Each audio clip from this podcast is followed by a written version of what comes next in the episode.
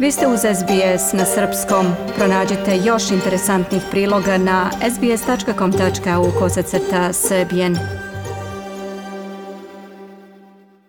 Vi ste uz SBS radio program na srpskom jeziku. Dok vlasti traže načine da smire epidemiološku situaciju, finansijska kriza nastavlja da potresa ceo svet pa i Australiju. Prema najnovijim podacima, 80 od stanovnika koji su još krajem marta zatražili moratorijum na otplaćivanje stambenog kredita još uvek nisu počeli da otplaćuju dugove. Banke će uskoro početi da zovu klijente jer se za par nedelja završava šestomesečni period odloženog otplaćivanja kada su mnogi biznisi zatvoreni u martu, skoro milion ljudi je moralo da zatraži moratorijum na stambeni ili poslovni kredit. Posle pola godine ovog meseca se taj period odloženog plaćanja završava za oko 500.000 ljudi. Među njima i Bronnie Lane, nekadašnja organizatorka najvećih festivala komedije u Australiji. Bronnie kaže da je preko noći izgubila sav prihod. My business went to a zero income overnight. Restrikcije i zabrane na velika okupljanja su značila da je i ona morala da izmeni način na koji je otplaćivala svoje kredite. S obzirom na to da joj u septembru ističe prvi šestomesečni moratorijum, uspela je da dobije produžetak od tri meseca.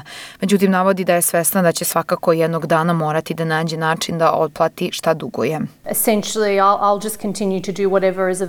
Nastavit ću da radim šta god mogu, a kao vlasnik preduzeća moram preuzeti određene korake. Deset godina imam svoju kompaniju, uložila sam mnogo truda, bilo je mnogo problema i sada odjednom da moram da tako brzo zatvorim vrata, ne znam kako da prihvatim to, rekla je Bronnie Lane. Čak 900.000 australijanaca trenutno ne otplaćuje oko 274 milijardi dolara dugovanja, što znači da je odloženo otplaćivanje svakog devetog stambenog kredita i svake šeste poslovne pozajmice. Takođe, 80% njih i dalje nije u dovoljno dobroj finansijskoj situaciji da bi počeli da vraćaju novac bankama. Izvršna direktorka Australijske bankarske asocijacije Anna Bly kaže da će banke morati da osmisle individualni plan otplaćivanja za svakog klijenta. For those customers who can't make full repayments but can make some, Oni koji ne mogu da otplaćuju pun iznos rate, ali mogu nešto da daju, moraće da se dogovore sa bankama, da promene strukturu svoje pozajmice, da vide da li mogu da uđu u period gde samo otplaćuju kamatu, a ne i glavnicu. Klijenti koji prolaze kroz teškoće će morati da vide da li mogu da apliciraju da dalje odgode otplate, recimo na još četiri meseca. Iako se mnogi nadaju da će se potrošnja povećati početkom decembra i tokom božnićih praznika, za sada nema garancije da će se ekonomska situacija u Australiji poboljšati. Očekuje se i dalji rast stope nezaposlenosti.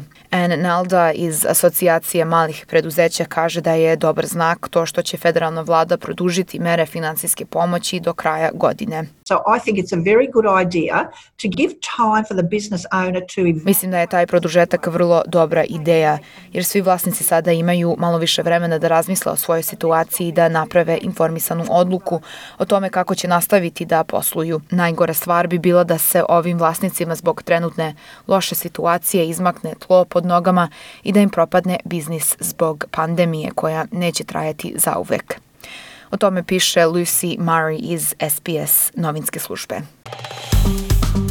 Dajte like, podelite, komentarišite. Pratite SBS Serbian Facebook profil.